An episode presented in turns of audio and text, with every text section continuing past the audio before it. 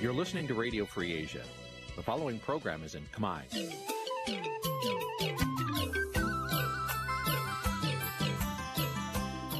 នេះជាកម្មវិធីផ្សាយ Vuthu Azizi Serai នេះជាកម្មវិធីផ្សាយរបស់ Vuthu Azizi Serai ជាភាសាខ្មែរ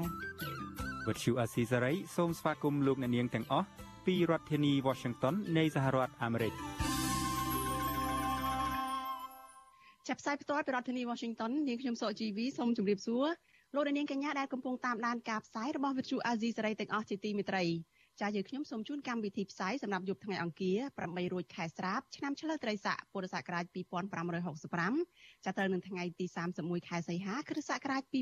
2021ចាជាដំបូងនេះសូមអញ្ជើញលោកអ្នកនាងស្ដាប់ព័ត៌មានប្រចាំថ្ងៃដែលមានមេត្តាដូចតទៅតុ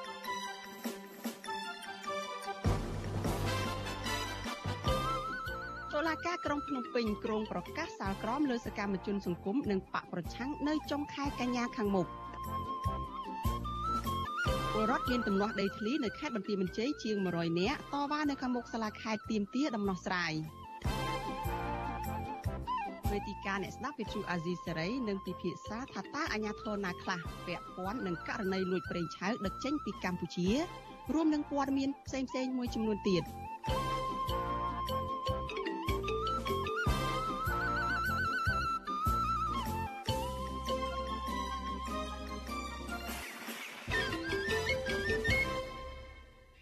ជាបន្តទៅទៀតនេះនាងខ្ញុំសុជីវីសូមជូនព័ត៌មានទាំងនេះពិស្ដាចលនានេះជាទីមេត្រីអ្នកជំងឺ Covid-19 ចំនួន11អ្នកទៀតបានស្លាប់ដែលធ្វើឲ្យករណីស្លាប់ដោយសារជំងឺនេះកើនឡើងដល់ជាង1900អ្នកហើយគិតត្រឹមថ្ងៃទី31ខែសីហានេះចាស់ចំពោះករណីឆ្លងថ្មីវិញគឺមានចំនួន439អ្នកក្នុងនោះជាង100អ្នកគឺជាករណីដែលនាំចូលពីក្រៅប្រទេស។ ជាមួយគ្នានេះក្រសួងសុខាភិបាលរកឃើញមេរោគ COVID-19 បំផ្លែងថ្មី Delta នោះគឺមានអ្នកឆ្លងកើនឡើងជិត2000អ្នកហើយគិតត្រឹមថ្ងៃទី31ខែសីហាក្រោយពេលរកឃើញអ្នកឆ្លងថ្មីចំនួន84អ្នកបន្ថែមទៀតនៅរាជធានីភ្នំពេញខេត្តបន្ទាយមានជ័យខេត្តបាត់ដំបងនិងខេត្តមួយចំនួនទៀតរហូតមកដល់ពេលនេះករណីអ្នកដែលឆ្លងមេរោគបំផ្លែងថ្មី COVID-19 នេះបានរាតត្បាតស្ទើរតែពីពេញប្រទេសហើយលើកលែងតែខេត្តកែបនិងខេត្តក្រចេះតែប៉ុណ្ណោះ ចាក់គិតត្រឹមព្រឹកថ្ងៃទី31ខែសីហាកម្ពុជាមានអ្នកកើតជំងឺ Covid-19 ជាង93000នាក់ក្នុងនោះអ្នកជាសះស្បើយមានជិត89000នាក់ចំពោះការចាក់វ៉ាក់សាំងបង្ការជំងឺ Covid-19 វិញក្រសួងសុខាភិបាលប្រកាសថាគិតត្រឹមថ្ងៃទី30ខែសីហាម្សិលមិញរដ្ឋាភិបាលចាក់វ៉ាក់សាំងជូនពលរដ្ឋបានជិត92%ហើយនៅក្នុងចំណោមអ្នកដែលត្រូវចាក់វ៉ាក់សាំងសរុបចំនួន10លាននាក់ ចំណែកកុមារនិងយុវជនដែលមានអាយុចន្លោះពី12ឆ្នាំដល់17ឆ្នាំវិញក្រសួងប្រកាសថាបានចាក់វ៉ាក់សាំងបានជាង77%នៅក្នុងចំណោមអ្នកដែលត្រូវចាក់សរុបជិត2លាននាក់ជាមួយគ្នានេះរដ្ឋាភិបាលបានចាក់វ៉ាក់សាំងបង្ការជំងឺជំងឺ Covid-19 Sinovac ចំនួន2លានដូសបន្ថែមទៀតដែលដឹកមកដល់កម្ពុជាហើយនៅព្រឹកថ្ងៃទី31ខែសីហាលោកហ៊ុនសែនបានបង្ហោះសារនៅក្នុង Facebook របស់លោកថា វ៉ាក់សាំងដែលរដ្ឋាភិបាលបានបញ្ជាទិញពីប្រទេសចិនសម្រាប់ចាក់ដូសទី3ឬហៅថាដូសជំរុញនោះគឺជាការការចាក់ជូនទៅដល់ប្រជាពលរដ្ឋទូទៅចាស់គិតត្រឹមថ្ងៃទី31ខែសីហាកម្ពុជាមានវ៉ាក់សាំងបង្ការជំងឺ Covid-19 សរុបជាង20លានដូសហើយហើយវ៉ាក់សាំងភាគច្រើនគឺរដ្ឋាភិបាលបានទិញពីរដ្ឋាភិបាលចិននិងមួយចំនួនទៀតជាជំនួយមនុស្សធម៌មកពីប្រទេសជាមិត្ត thank you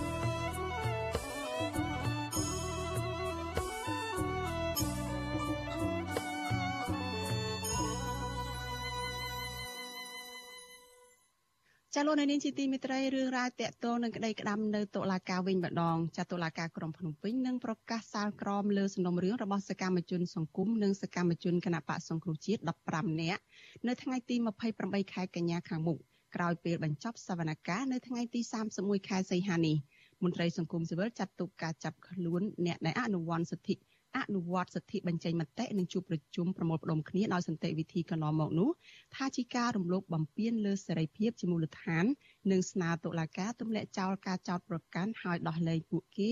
ឲ្យមានសេរីភាពឡើងវិញចាលោកនាងនឹងបានស្ដាប់សេចក្តីរាយការណ៍នេះនៅក្នុងការផ្សាយរបស់យើងនៅពេលបន្តិចទៀតនេះ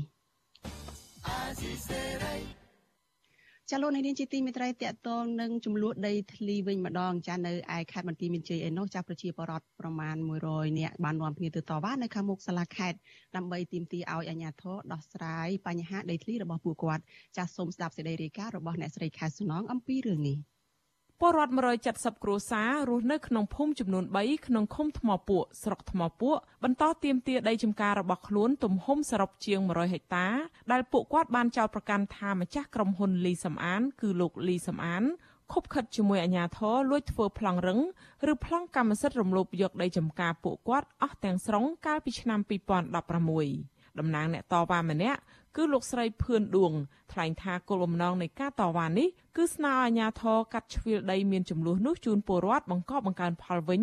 ព្រោះក្រុមហ៊ុនមិនអនុញ្ញាតឲ្យពួកគាត់ចូលទៅអាស្រ័យផលលើដីរបស់ខ្លួនទៀតទេនៅរយៈពេល6ខែចុងក្រោយនេះលោកស្រីបន្តថាលោកលីសំអានជាម្ចាស់ក្រុមហ៊ុនលីសំអានបានលួចធ្វើប្លង់រឹងរំលោភយកដីចម្ការរបស់ពួកគាត់ទាំងស្រុងហើយពួកលោកស្រីបានស្រែកតវ៉ាទាមទារជាច្រើនឆ្នាំមកហើយតែគ្មានលទ្ធផលនោះទេ លោកស្រីបន្ថែមថា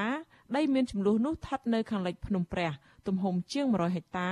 ឬស្មើនឹង53ក្បាលដី គឺជាអាយុជីវិតរបស់ពួកគាត់ដូច្នេះប្រសិនបើរដ្ឋាភិបាលមិនដោះស្រាយទេ អ្នកភូមិនឹងលំបាកវេទនាគេចែកមកគេថាអឺដីនេះមានផ្លោកមានអុយអស់រៀងប៉ុន្តែដីនោះគឺដីពលរដ្ឋគេខំធ្វើពីដើមក៏លេខ្ញុំពួកខ្ញុំទៅហេតុកាយនេះអត្រ័យផលលុអត់មានផ្លង់ទេមិនក៏ផ្លង់ត្រូវចេញមិនប្រាក់ប្តីគេបានឆ្លើយថាគេមិនណានិយាយថយក្រោយទេគេនិយាយទៅមុខចេះវិទ្យុអាស៊ីសេរីមិនអាចតាក់ទងសុំការបំភ្លឺរឿងនេះពីអភិបាលខេត្តបន្ទាយមានជ័យលោកអ៊ុំរាត្រី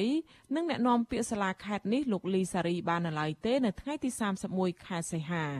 ចំណែកលោកលីសំអាន ជាម្ចាស់ក្រុមហ៊ុនលីសំអាន ដែលរងការចោទប្រកាន់នេះក៏មិនអាចតាក់ទងបានដែរនៅថ្ងៃដដែលនេះប៉ុន្តែអ្នកភូមិថាក្នុងពេលតវ៉ាពេញមួយព្រឹកអាជ្ញាធរបានអនុញ្ញាតឲ្យតំណាងពលរដ្ឋ5នាក់ចូលបំភ្លឺជាង1ម៉ោងក្នុងសាលាខេត្តបន្ទាយមានជ័យដោយមន្ត្រីសាលាខេត្តបានប្រាប់ពួកគាត់ថាអាជ្ញាធរនឹងមិនដោះស្រាយរឿងនេះបានទេព្រោះដីដែលពលរដ្ឋទាមទារមានប្លង់កម្មសិទ្ធិ ឬប្លង់រឹងស្របច្បាប់រួចទៅហើយពលរដ្ឋម្នាក់ទៀតលោកស្រីសុករ៉ាឌីហួសចិត្តនៅគ្រាដែលអាជ្ញាធរខេត្តបន្ទាយមានជ័យនៅតែឆ្លើយដោះសារពុំដោះស្រាយក្តីកង្វល់រួមរបស់ពលរដ្ឋលោកស្រីថាអាជ្ញាធរខេត្តហាក់លំអៀងទៅខាងភៀកគីក្រុមហ៊ុន ព្រោះការធ្វើប្លង់រឹងឬបានកម្មសិទ្ធិដីធ្លី បានរំលោភយកដីរបស់ពួកគាត់ជាង100ហិកតាគឺជារឿងអយុត្តិធម៌និងធ្វើបាបពលរដ្ឋក្រីក្របើថាទៅកលែងច្បាប់ប្រឈមមុខនឹងច្បាប់ហើយគេមិនអស់ស្រាយឲ្យអ្នកស្រកមានតែណូតាមអេរីងខ្លួនអេអ្នកណាក៏អ្នកនោះធ្វើហើយរឿងដែលអ្នកស្រកតូននេះក៏អ្នកស្រកបានទេទៀតដូចថាយោដីក្រុមហ៊ុនអ្នកស្រកក៏ថាសុំក៏ថាក្រុមហ៊ុនត្រៀមណាក៏ធ្វើត្រៀមនោះអ្នកស្រកត្រៀមណាក៏ត្រៀមនោះគុំតែប៉ុណ្ណោះអេលោកគ្រូបានសុំអុយច្រើនទេ អ្នកសម្របសម្រួលនៃសមាគមការពារសិទ្ធិមនុស្សអាត់ហុកខេត្តបន្ទាយមានជ័យលោកសុំច័ន្ទគាយល់ថាពលរដ្ឋភៀសច្រើនជាកសិករក្រីក្រ ខ្វះខាតដីបង្កប់បង្កើនផលអញ្ញាធរគួរតែដោះស្រាយបញ្ហានេះដោយយុត្តិធម៌ដើម្បីផ្ដល់លទ្ធភាពឲ្យពលរដ្ឋបង្កប់បង្កើនផលរកចំណូលចិញ្ចឹមជីវិតលោកថារដ្ឋាភិបាលគួរតែស៊ើបអង្កេតពីភាពមិនប្រក្រតីនៃការចេញបានកម្មសិទ្ធិឬប្លង់រឹងប៉ះចំដីស្រែចម្ការរបស់ពលរដ្ឋចំនួន3ភូមិបង្កើតឲ្យមានវិបត្តិដីធ្លីរ៉ាំរ៉ៃពួកគាត់កាន់កម្មអាស្រ័យផលហើយគឺតែអញ្ញាធិបពិនិត្យពិចារណាដើម្បីឲ្យពួកគាត់នឹងបានទទួលនៅចំណែកនៅដីរបស់ខ្លួនណាមួយដែលដើម្បីឲ្យពួកគាត់នឹងបានស្ងប់អារម្មណ៍វាប្រសើរជាងទុកឲ្យពួកគាត់នឹងអត់មានដីធ្លីពួកគាត់ជាប្រជាពលរដ្ឋជាកសិករអត់មានដីធ្លីបែរទៅជាក្រុមហ៊ុនអ្នកចំនួនបែរទៅជាមានដីច្រើនរាប់រយហិកតាវិញបាទក្រុមអ្នកតវ៉ាបាននាំគ្នាត្រឡប់ទៅផ្ទះវិញក្រោយពេលតំណាងរបស់ពួកគាត់ជួបពិភាក្សាជាមួយអាជ្ញាធរខេត្តហើយពួកគាត់ប្រមានថានឹងនាំគ្នាមកតវ៉ាជាថ្មីទៀតនៅពេលឆាប់ឆាប់ខាងមុខអ្នកភូមិថាបរោះឈ្មោះលីសំអាន ដែលជាម្ចាស់ក្រុមហ៊ុនលីសំអាន បានយកពលរដ្ឋចំនួន14គ្រួសារជាខែលឈរឈ្មោះជំនួសដើម្បីរំលោភយកដីចម្ការរបស់ពលរដ្ឋធ្វើជាកម្មសិទ្ធិផ្ទាល់ខ្លួន។ ពួកគាត់ចោទទៀតថាការរំលោភយកដីចម្ការរបស់អ្នកស្រុកដ៏សម្បើមនេះមានការខុបខិតជាប្រព័ន្ធរវាងមន្ត្រីជំនាញសុរិយោដីអាជ្ញាធរមួយចំនួននិងលោកលីសំអាន ដែលគេស្គាល់ថាមានទំនាក់ទំនងជិតស្និទ្ធជាមួយមន្ត្រីជាន់ខ្ពស់ក្នុងជួររដ្ឋាភិបាល និងគណៈបកកាន់អំណាចចានាងខ្ញុំខែសុណងវັດឈូអាស៊ីសេរីរាយការណ៍ពីរដ្ឋធានី Washington ចាលោកនាងជាទីមេត្រីរឿងរ៉ាវដាច់ដោយឡែកមួយទៀត ចាភាពចម្រូងចម្រាសនៃការលួចដឹកប្រេងឆៅចេញពីកម្ពុជានោះគឺបង្កើតបានជាមន្ទិលសង្ស័យជាច្រើនពិសេសគឺការទទួលខុសត្រូវរបស់អាជ្ញាធរកម្ពុជាដែលពាក់ព័ន្ធតែទោះជាយ៉ាងណារដ្ឋមន្ត្រីក្រសួងការពារជាតិគឺលោកទីបាញ់បានចេញមុខអះអាងថារឿងនេះមិនពាក់ព័ន្ធទៅនឹងអាជ្ញាធរក្រោមអាវ៉ាតរបស់លោកឡើយចាក្នុងនីតិវេទិកានៃស្ដាប់វិទ្យុអាស៊ីសេរីនៅយប់នេះ ចាយើងមានកិច្ចពិភាក្សាដោយបដោតថាតើអាជ្ញាធរណាខ្លះពាក់ព័ន្ធនឹងករណីលួចដឹកប្រេងឆៅចេញពីកម្ពុជា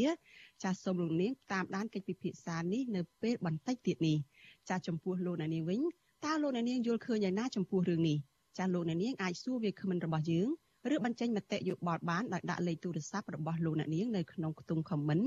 របស់ YouTube និង Facebook របស់ Azizi Serai ដែលកំពុងផ្សាយផ្ទាល់នេះចាសក្រុមការងាររបស់ Vithu Azizi Serai នឹងហៅទៅលោកអ្នកនាងវិញ thank you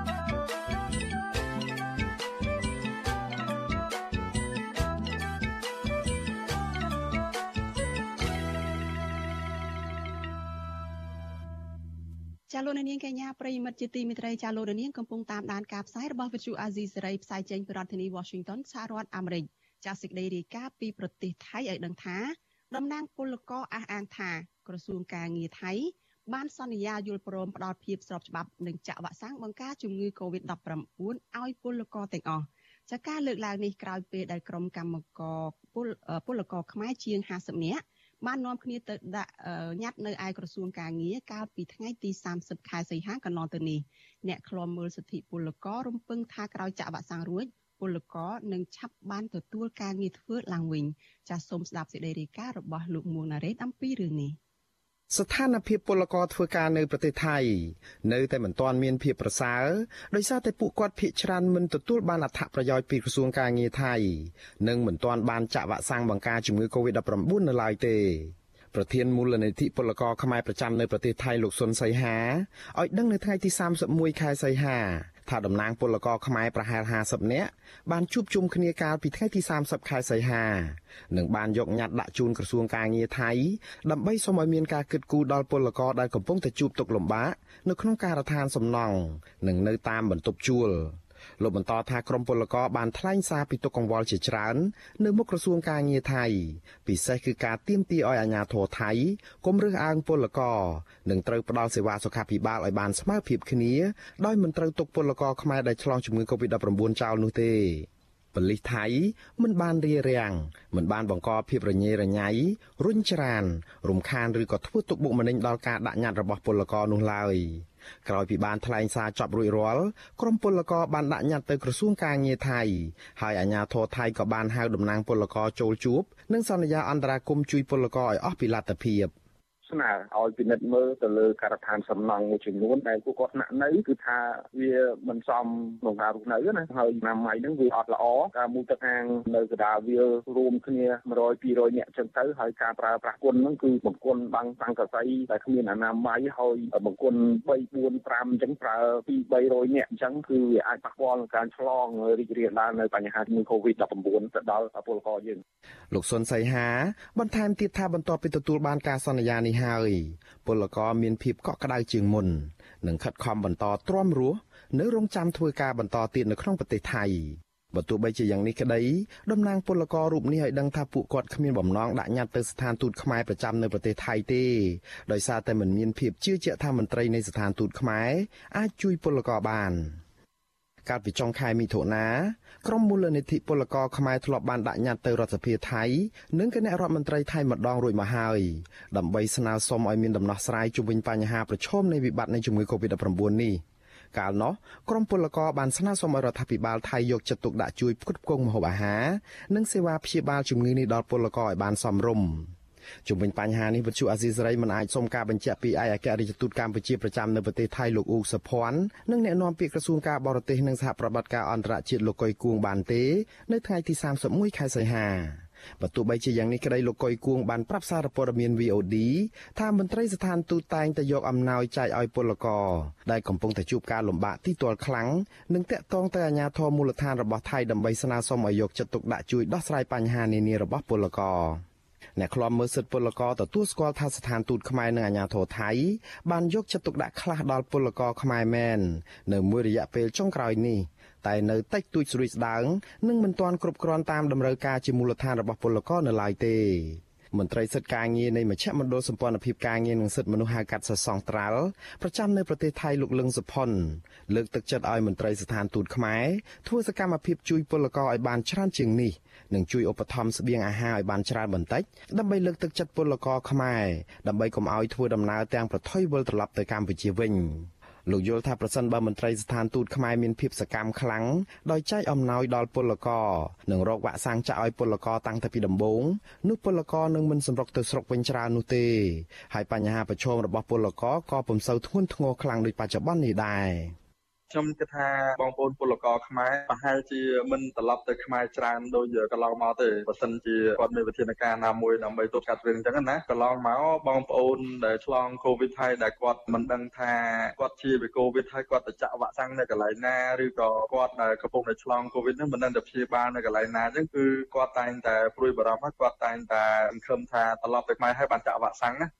របាយការណ៍របស់អគ្គនាយកដ្ឋានអន្តោប្រវេសន៍បង្ហាញថាគិតចាប់ពីខែធ្នូឆ្នាំ2020ដល់ថ្ងៃទី10ខែមិថុនាឆ្នាំ2021មានពលករបានវិលត្រឡប់ពីប្រទេសថៃជាង40000នាក់ចូលមកកម្ពុជា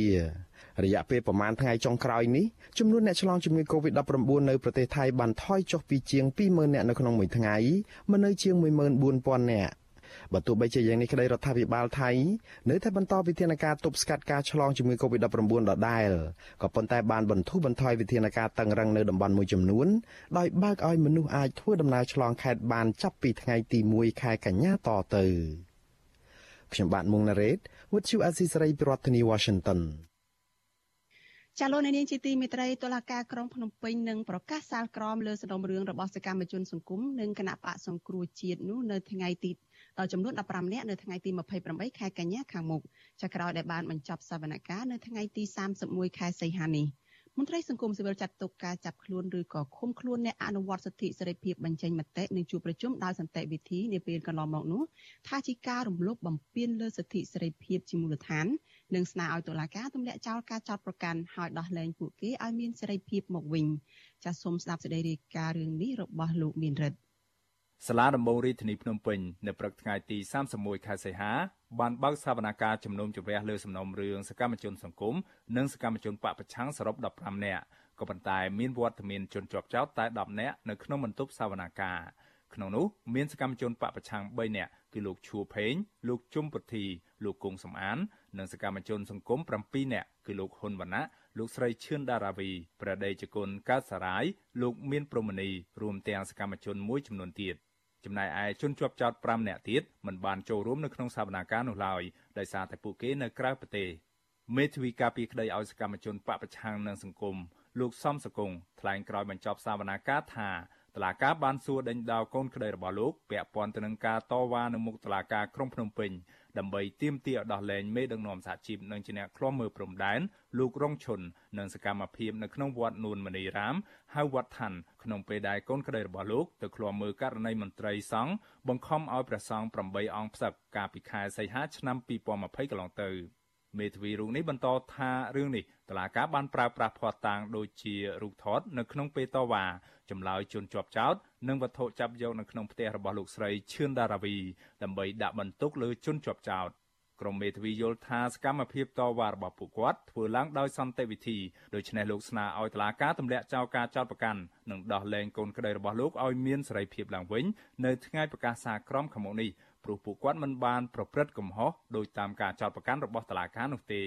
ក្រុមមេធាវីយល់ឃើញថាសកម្មភាពដែលពួកគាត់ទាំងអស់គ្នានៅក្នុងសំណុំរឿងនេះគោលបំណងដែលធំបំផុតនោះគឺគ្រាន់តែតវ៉ាឲ្យមានការដោះលែងគ្រូរងឈុនទេហើយតទៅនឹងការដែលពួកគាត់មកតវ៉ានេះគឺការប្រើប្រាស់សិទ្ធិគាត់ក្នុងនាមជារដ្ឋខ្មែរជាពិសេសគឺសិទ្ធិក្នុងការហើយគឺគឺមានដោយសន្តិវិធីហើយនិងសិទ្ធិក្នុងការបញ្ចេញមតិយើងអត់ឃើញមានប៉ះពាល់អីទៅដល់ជំនាមមួយដែរ មន្ត្រីនិងសកម្មជនបពប្រឆាំងសកម្មជនសង្គមទាំង15នាក់បានរងបទចោទផ្ដាំគំនិតនិងញុះញង់បង្កឲ្យមានភាពវឹកវរធ្ងន់ធ្ងរដល់សង្គមពាក់ព័ន្ធទៅនឹងការតវ៉ានៅមុខតុលាការនិងគម្រោងតវ៉ាដោយសន្តិវិធីនៅទីលានប្រជាធិបតេយ្យថ្មីកាលពីខែសីហាឆ្នាំ2020ដើម្បីទាមទារឲ្យដោះលែងមេដឹកនាំសហជីពនិងជាអ្នកឃ្លាំមើលព្រំដែនលោករងឈុន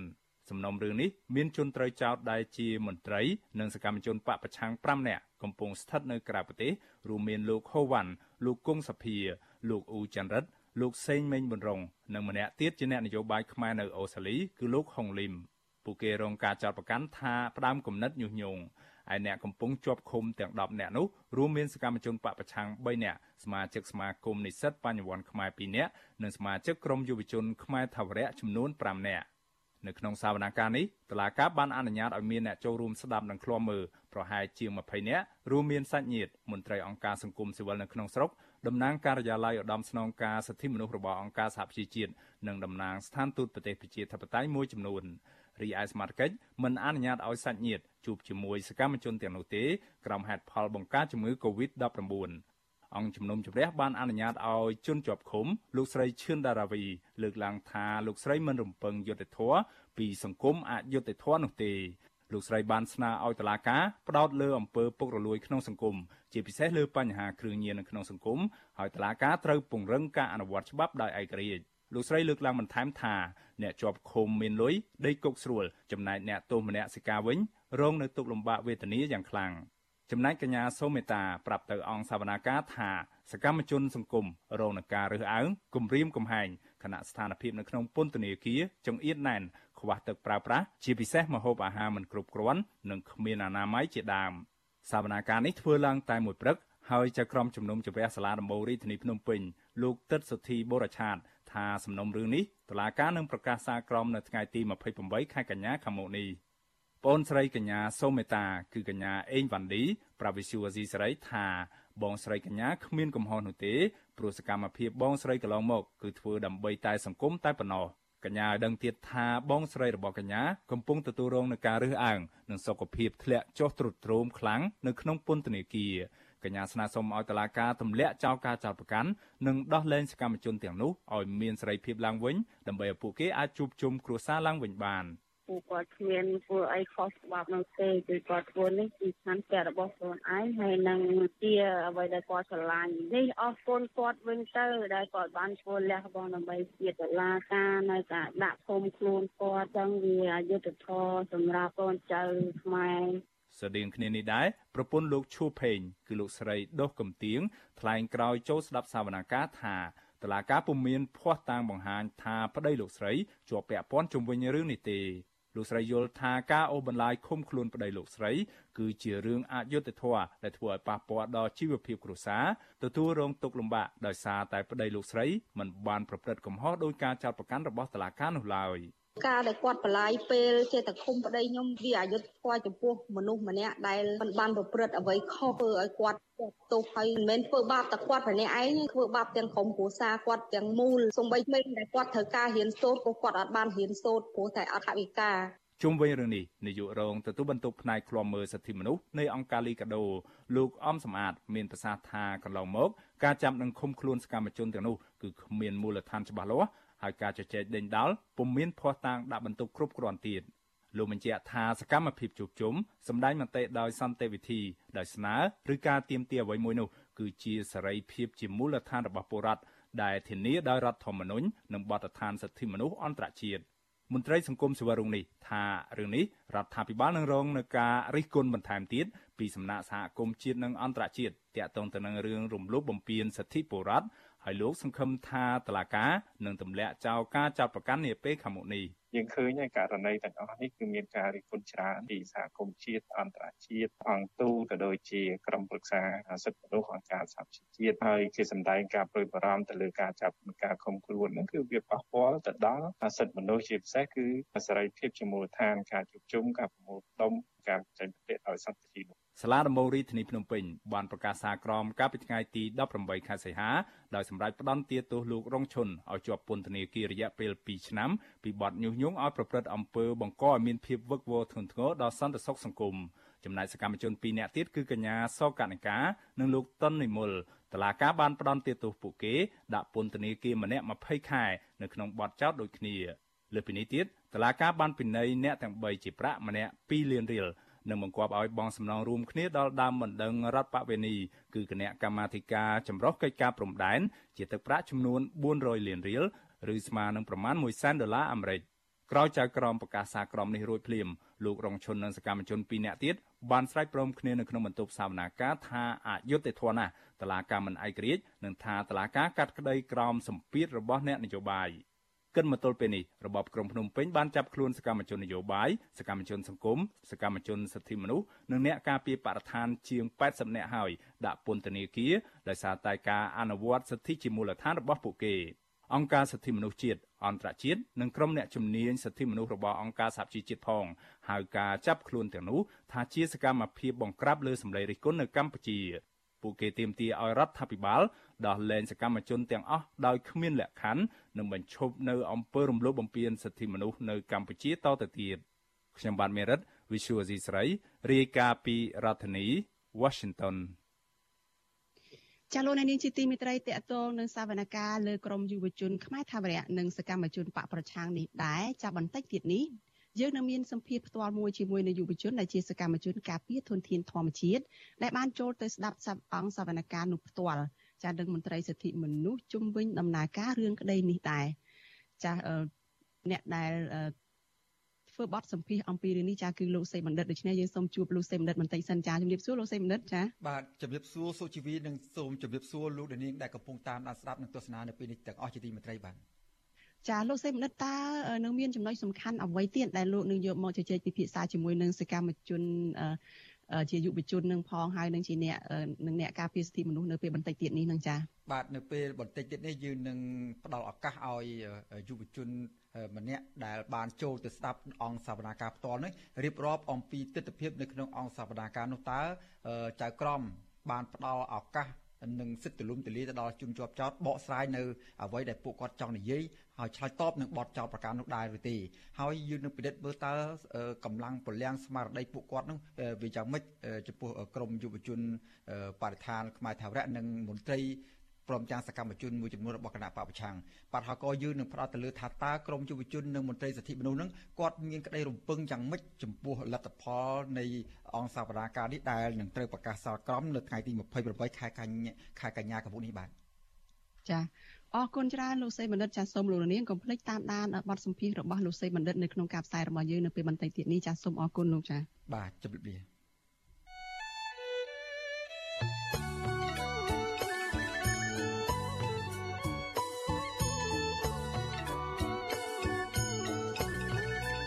លោកអ្នកនាងជាទីមេត្រីលោកអ្នកនាងអាចស្ដាប់ការផ្សាយរបស់វិទ្យុអាស៊ីសេរីចាដំណើរគ្នានឹងការផ្សាយតាមបណ្ដាញសង្គម Facebook និង YouTube នេះចាតាមរយៈវិទ្យុរលកធាតុអាកាសខ្លី SW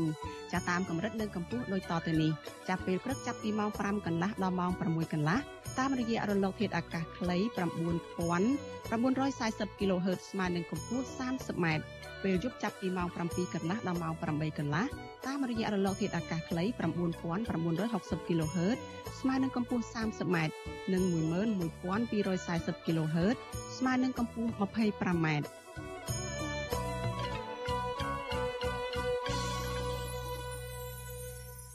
ចាលោកនាងកញ្ញាប្រិមិត្តអ្នកស្ដាប់ជាទីមេត្រីចាលោកនាងទើបបានស្ដាប់ព័ត៌មានប្រចាំថ្ងៃរបស់វិទ្យុអាស៊ីសេរីដែលរៀបចំជូនដោយនាងខ្ញុំសុជីវីចាជាបន្តទៅទៀតនេះសូមលោកនាងតាមដានកិច្ចពិភាក្សាវេទិកាអ្នកស្ដាប់វិទ្យុអាស៊ីសេរី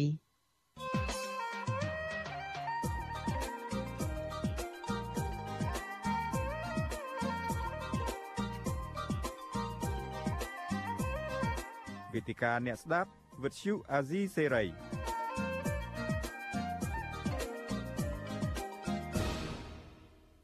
ចានេះខ្ញុំសុជីវីសូមជម្រាបសួរសាជាថ្មីទៅដល់លោកអ្នកនាងដែលកំពុងតាមដានការផ្សាយរបស់វិទ្យុអាស៊ីសេរីទាំងអស់ចានីតិវេទិកានៃស្ដាប់វិទ្យុអាស៊ីសេរីនៅយុគនេះចាយើងនឹងពិភាក្សាថាតើមានអាជ្ញាធរណាខ្លះដែលពាក់ព័ន្ធនឹងករណីលួចដឹកប្រេងឆៅចេញពីកម្ពុជា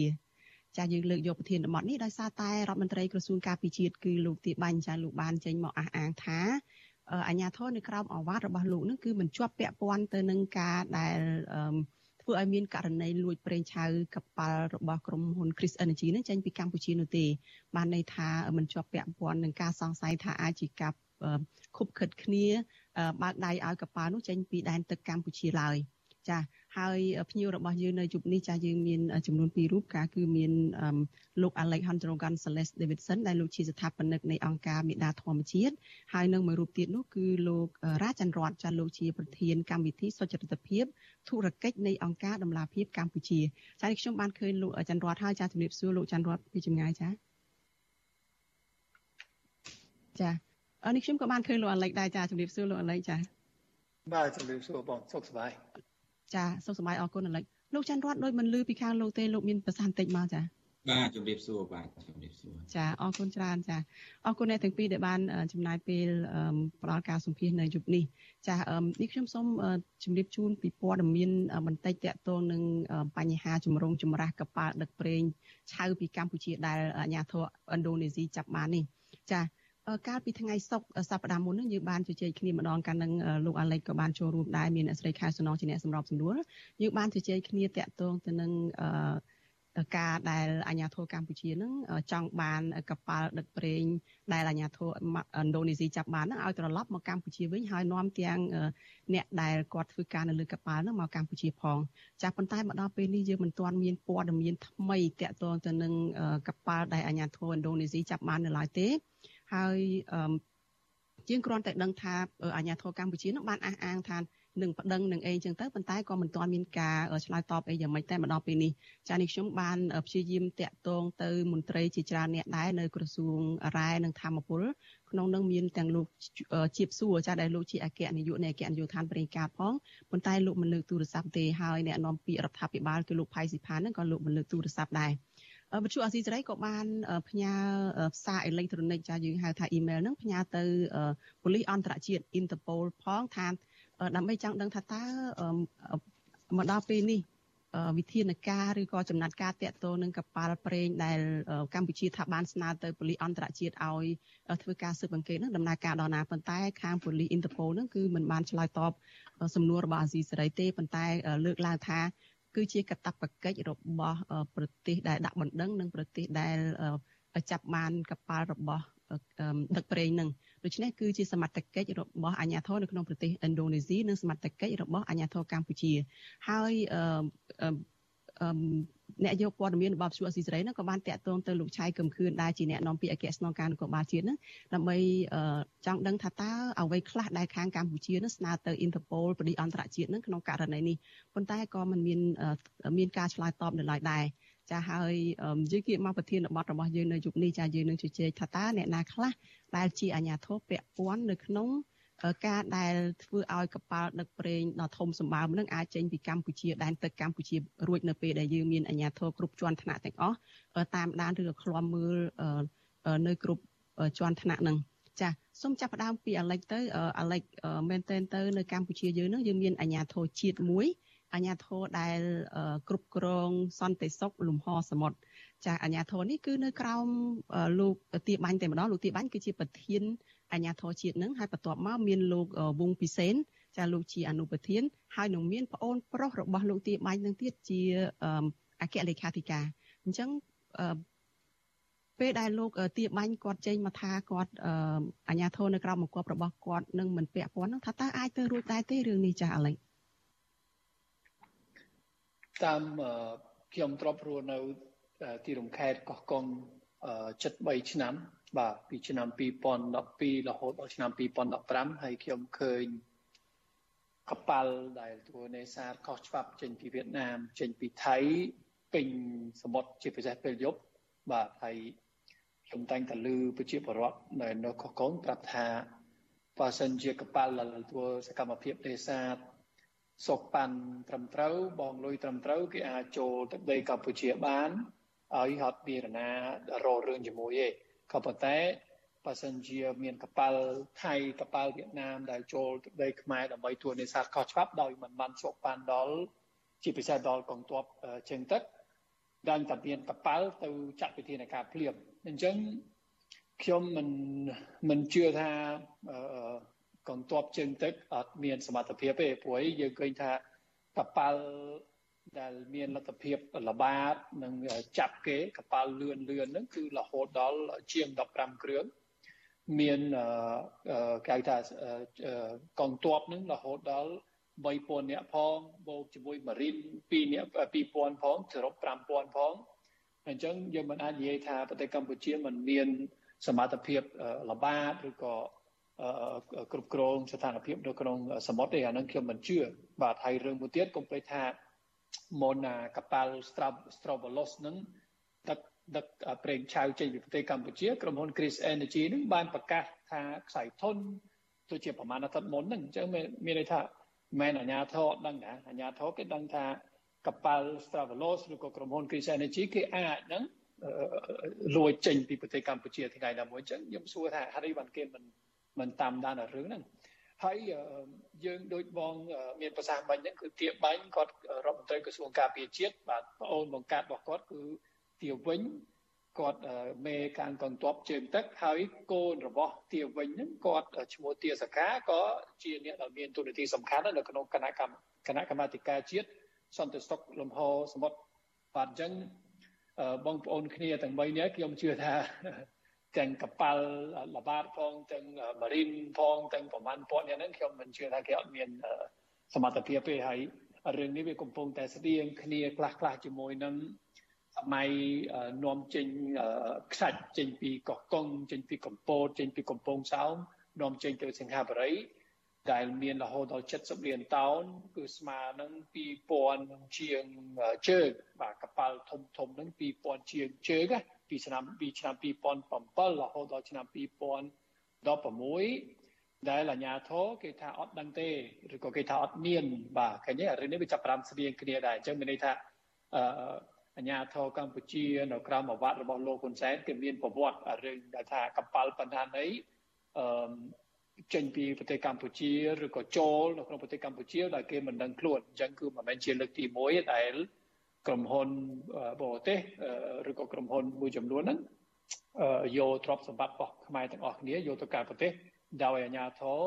មិនបានចាត់វិធានការបាទសូមឆ្លើយប៉ុណ្្នឹងសិនអរគុណបាទចាអាឡិចអឺចំពោះលោកទាបាញ់ដែលជារដ្ឋមន្ត្រីក្រសួងការពារជាតិនឹងលោកបានលើកឡើងហើយថាមិនពាក់ព័ន្ធនឹងលោកទេហើយមិនពាក់ព័ន្ធនឹងអាជ្ញាធរនៅក្រៅបង្គាប់របស់គាត់ទេប៉ុន្តែបើដោយដែលលេចលើកឡើងនេះគឺ ហាក់ដូចជានៅក្រៅការបង្គាប់បញ្ជារបស់គាត់ប៉ុន្តែគាត់បានលើកអំណះអំណាងមួយនៅក្នុងការសម្ភាសរបស់អាស៊ីសេរីកាលពីថ្ងៃអាទិត្យចុងសប្តាហ៍កន្លងទៅហ្នឹងគាត់បានលើកឡើងថារឿងធនធានរ៉ែនេះគឺជាការទទួលខុសត្រូវរបស់អន្តរក្រសួងហើយជាពិសេសហ្នឹងគឺមានក្រសួងរ៉ែនិងធម្មពលហ្នឹងគឺជាអ្នកទទួលខុសត្រូវដូច្នេះរឿងរ៉ាវទាំងអស់ហ្នឹងគួរតែងាកទៅខាងក្រសួងរ៉ែនិងធម្មពលឯណោះវិញទេចា ចំពោះលោករាចន្ទរតវិញចាតើលោកមើលឃើញយ៉ាងណាចំពោះការឆ្លើយរបស់រដ្ឋមន្ត្រីក្រសួងការពារជាតិទៅអាជ្ញាធរខាងប្រេងកាតអីវិញនេះយ៉ាងម៉េចដែរចាសូមជួយចាបាទខ្ញុំ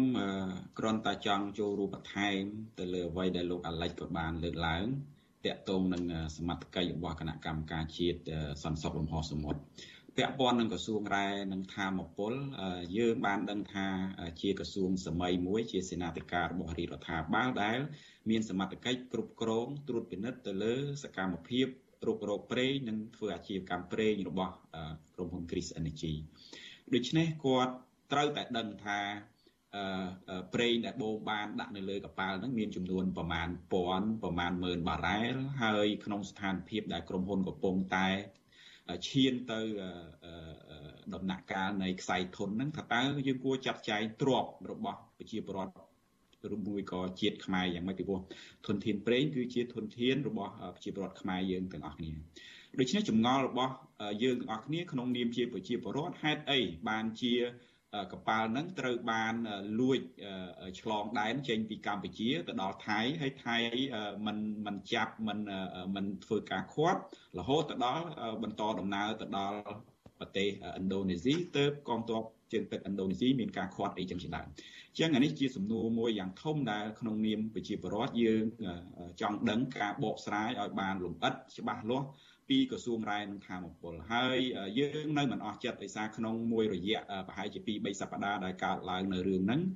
យើងបានព័ត៌មានតិចតួចណាស់ពីអ្នកនាំពាក្យក្រសួងរ៉ែនិងធម្មពល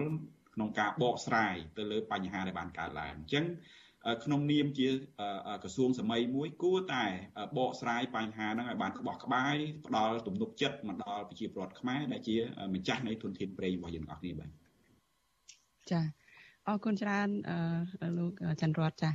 អឺតកតងទៅនឹងការទទួលខុសត្រូវរបស់អាជ្ញាធរការផ្ដល់ព័ត៌មានអីនេះចាមកដល់ពេលនេះបើយើងសម្ភាសអ្នកនាំពាក្យរដ្ឋាភិបាលគឺលោកផៃស៊ីផានហ្នឹងលោកឆ្លើយថាលោកដូចអត់ដឹងរឿងនឹងដែរដោយសារតែអត់មានមន្ត្រីណាគេ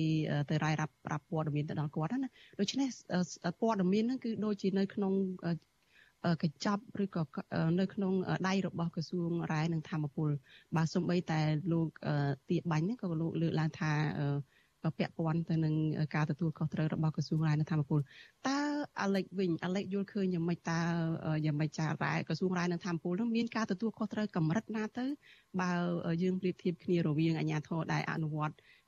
ការរឹតបន្តឹងការការពារលំហសមុទ្រអីអស់នឹងចា៎ ដោយបានដោយខ្ញុំបាននិយាយខាងដើមទេ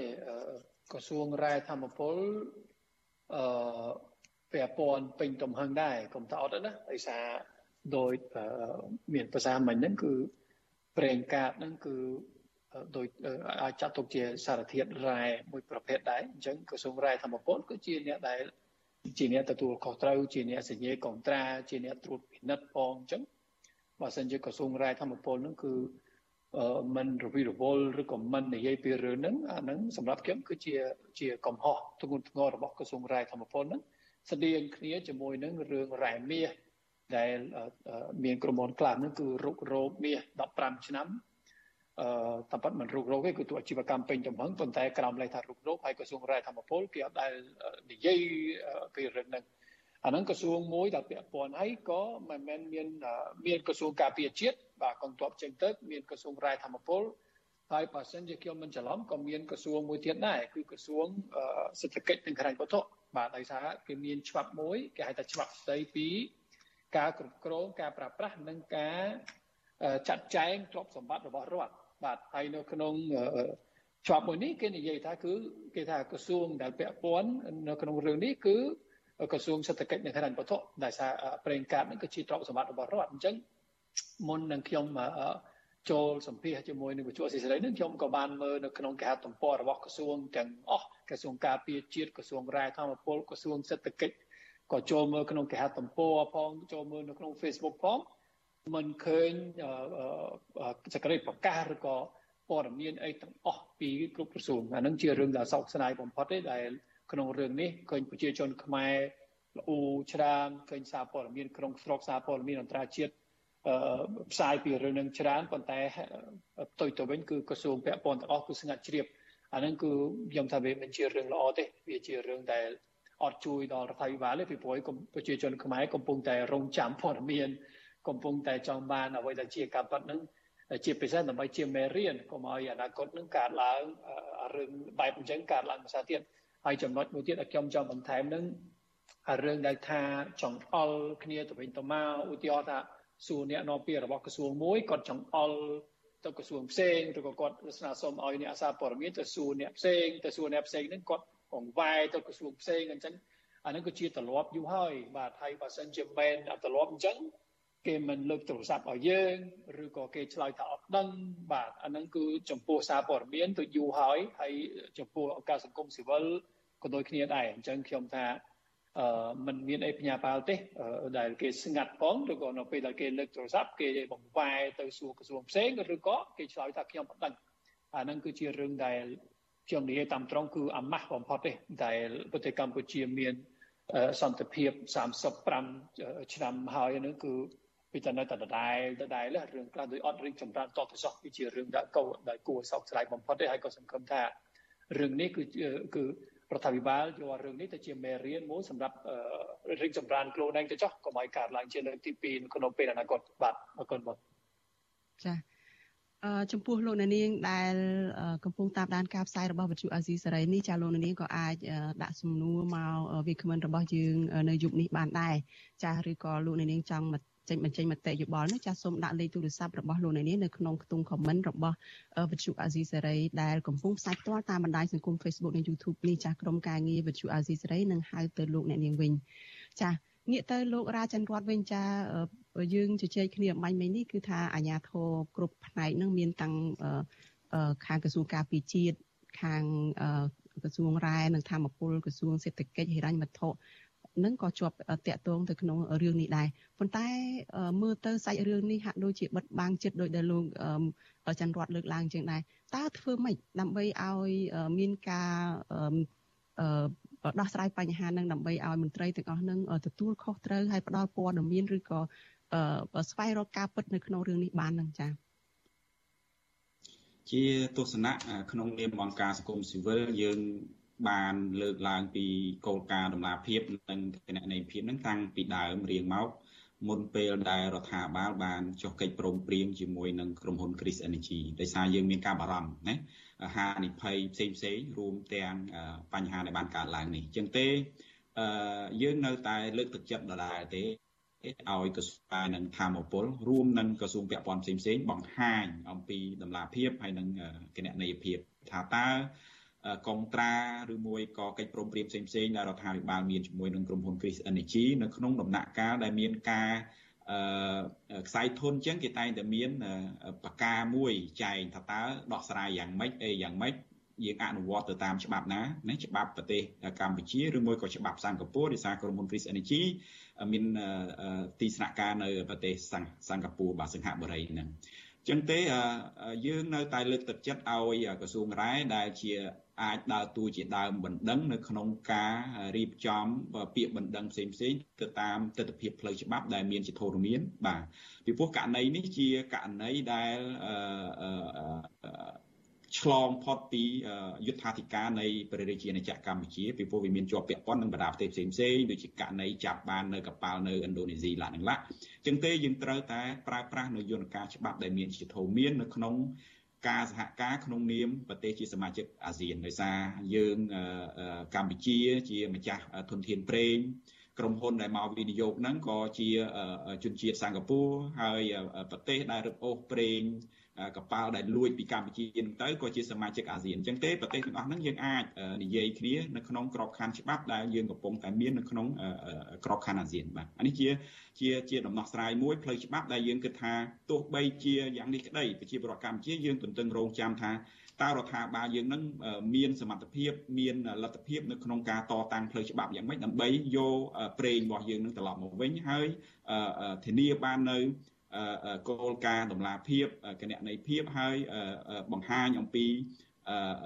ភាពមានភាពម្ចាស់ការមានន័យថាភាពទំនួលខុសត្រូវរបស់រដ្ឋាភិបាលក្នុងករណីនេះបាទចា៎ ចុះចំណែក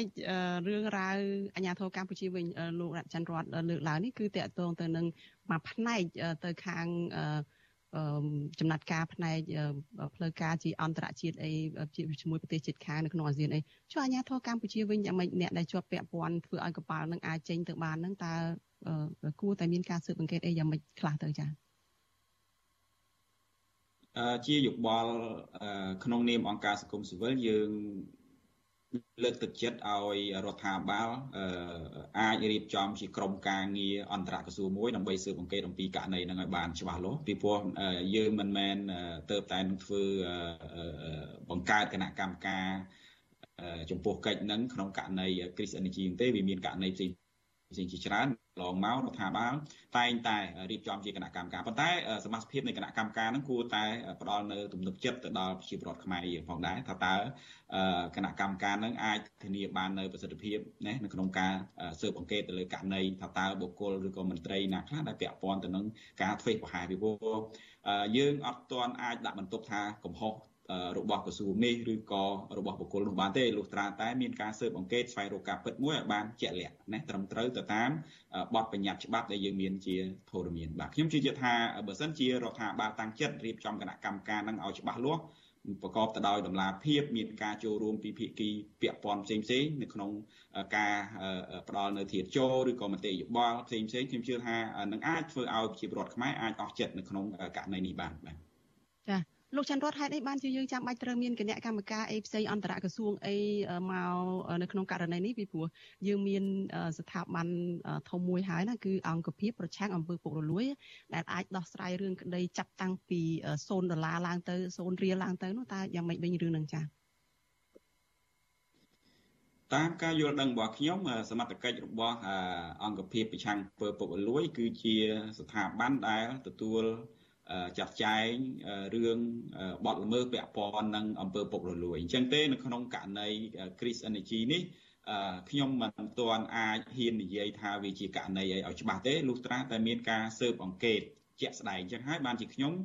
អឺយល់ឃើញថាមានតែគណៈកម្មការចម្រុះទេដែលអាចមានក្រសួងពាក់ព័ន្ធផ្សេងផ្សេងតាំងពី ACU នឹងតាំងពី ពីព្រោះគម្រោងវិនិយោគនេះគឺជាគម្រោងធំខ្ញុំសូមជម្រាបពីព្រោះមិនមែនតែក្រសួងរាយជាអ្នកសម្រេចខ្លួនឯងទេមានការឆ្លងកាត់ក្រសួង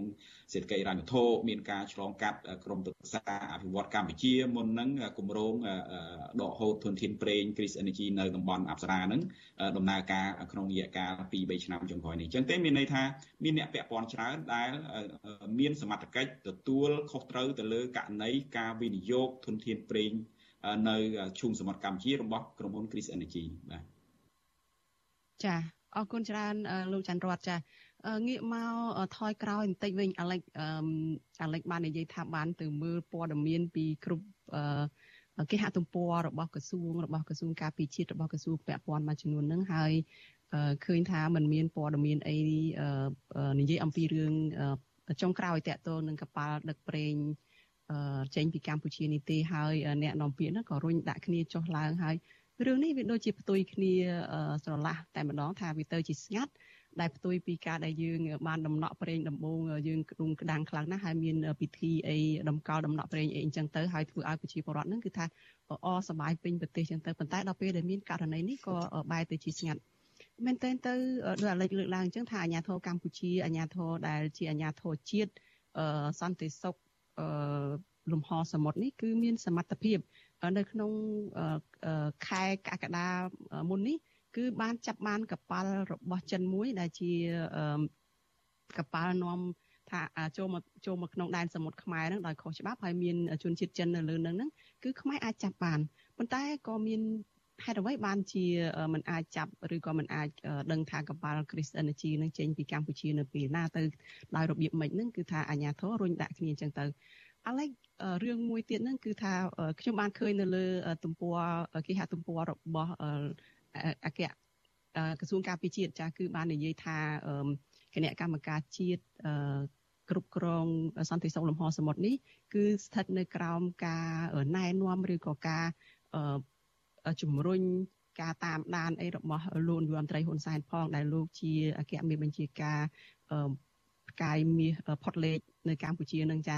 អាឡិចយល់ឃើញយ៉ាងម៉េចតើអ្នកណាអាចថាជាអ្នកទទួលខុសត្រូវខ្ពស់បំផុតនៅក្នុងរឿងនេះដែរទេចា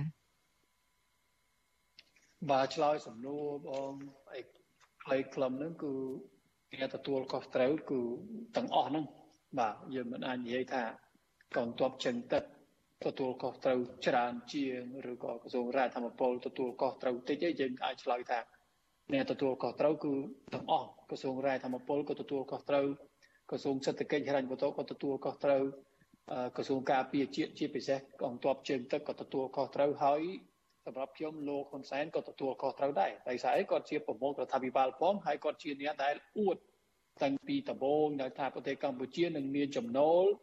ពីអា block A ហ្នឹង 500លានដុល្លាររដ្ឋាភិបាលនឹងមានចំណូល500លានដុល្លារពីសុយសានិងប៉ុណ្ណារយៈពេលប្រហែលឆ្នាំហើយឃើញទីបញ្ចប់ហ្នឹងសល់តែមកដំណក់ប្រេងនៅក្នុងវាមានឈ្នះឈ្នះអញ្ចឹងគឺអ្នកទទួលខុសត្រូវគឺច្រើនប៉ុន្តែបើសិនជាត្រូវការជ្រើសរើសម្នាក់គឺអ្នកដែលអួតជាងគេតាំងពីដំបូងហ្នឹងគឺម្នាក់ហ្នឹងដែលគួរតែទទួលខុសត្រូវជាងគេហ្នឹងអានឹងចំណុចទី1ចំណុចទី2ខ្ញុំចង់និយាយអំពីអ្វីដែលគេហៅថា សកាសាលាជាច្រើនណារយៈពេលប្រហែលឆ្នាំកន្លងមកហ្នឹងខ្ញុំក៏ទ្របចូលរួមខ្លះខ្លះដែរហ្នឹងតើតននឹងដំណាភាពតើតននឹងកណន័យភាពនៅក្នុងវិស័យរ៉ែវិស័យប្រេងកាតើតននឹងរឿងមាសតើតននឹងរឿងខ្សាច់ហើយក្រសួងរ៉ែធម្មពលនឹងចូលរួមរហូតហ្នឹងហើយហៅអង្គការសង្គមស៊ីវិលហៅប្រជាពលរដ្ឋមកចូលរួមចំណាយលុយម្ចាស់ជំនួយរាប់លានដុល្លារហើយទីបញ្ចប់ហ្នឹងយើងឃើញថាដូចមិនដែរបាទដំណាភាព នៅតែអត់មានទេមានន័យថានឹកតែលាក់ព័ត៌មានពីប្រជាជន នៅក្នុងវិស័យរ៉ែណាហើយកណន័យភាពមានន័យថាការទទួលខុសត្រូវជាសាធារណៈគឺឃើញរឿងប្រេងកាតហ្នឹងយើងឃើញចាស់ស្ដែងគឺការទទួលខុសត្រូវជាសាធារណៈឬក៏គេហៅថាកណន័យភាពគឺ0បងអញ្ចឹងយើងយើងស្ដាយលុយរបស់ម្ចាស់ជំនួយ ជាលុយដែលបរទេសបងពុននៅអាល្លឺម៉ង់នៅអេស្ប៉ាញនៅអាមេរិកនៅអូស្ត្រាលីនៅជប៉ុនអីក៏បានចំណាយលុយវាអត់ប្រយោជន៍អាហ្នឹងគឺជារឿងដែល ដែលគួរសោកស្ដាយណាហើយអឺមូលហេតុអីដែលគេមិនសូវគោរពអាគេហៅថាគោលការណ៍តម្លាភាពកណន័យភាពខ្ញុំអាចនិយាយថាអឺកណន័យភាពឬក៏តម្លាភាពកាន់តែ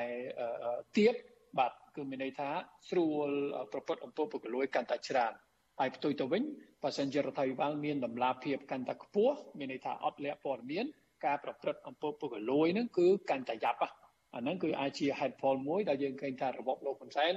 មិនចូលចិត្តទេអាពាក្យថាតម្លាភាពកណន័យភាពបាទចំណុចទី2ហើយចំណុចទី3អឺខ្ញុំសូមឆ្លើយ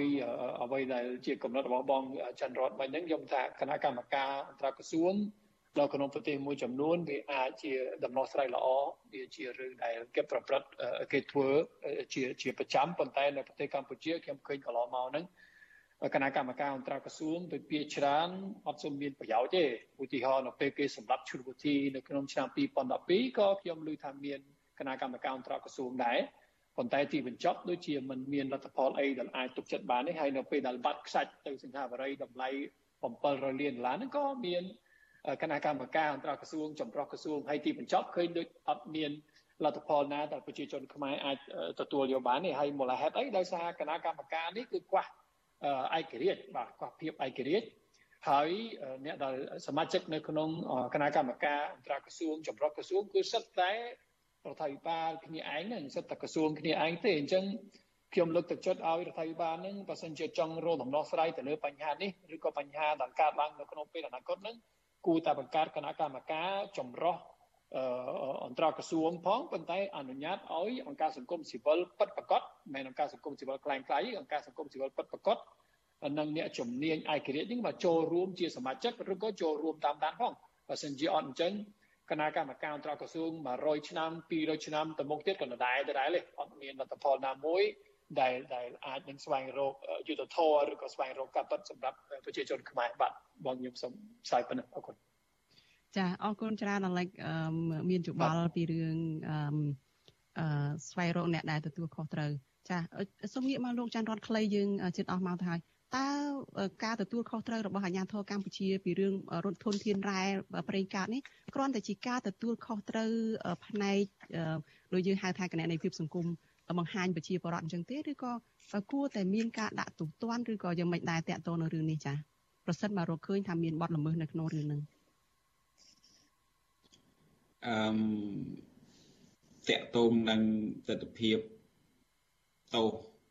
ពីន័យឬមួយក៏ច្បាប់ផ្សេងផ្សេងហ្នឹងគឺថាខ្ញុំមិនចំណាយពេលបកស្រាយច្រើនទេដោយសារប្រជាពលរដ្ឋខ្មែរក៏ដូចជាអ្នកដែលតាមដានព្រឹត្តិការណ៍ផ្សេងផ្សេងនៅក្នុងស្រុកខ្មែរយើងបានដឹងហើយថានៅកម្ពុជាយើងមានច្បាប់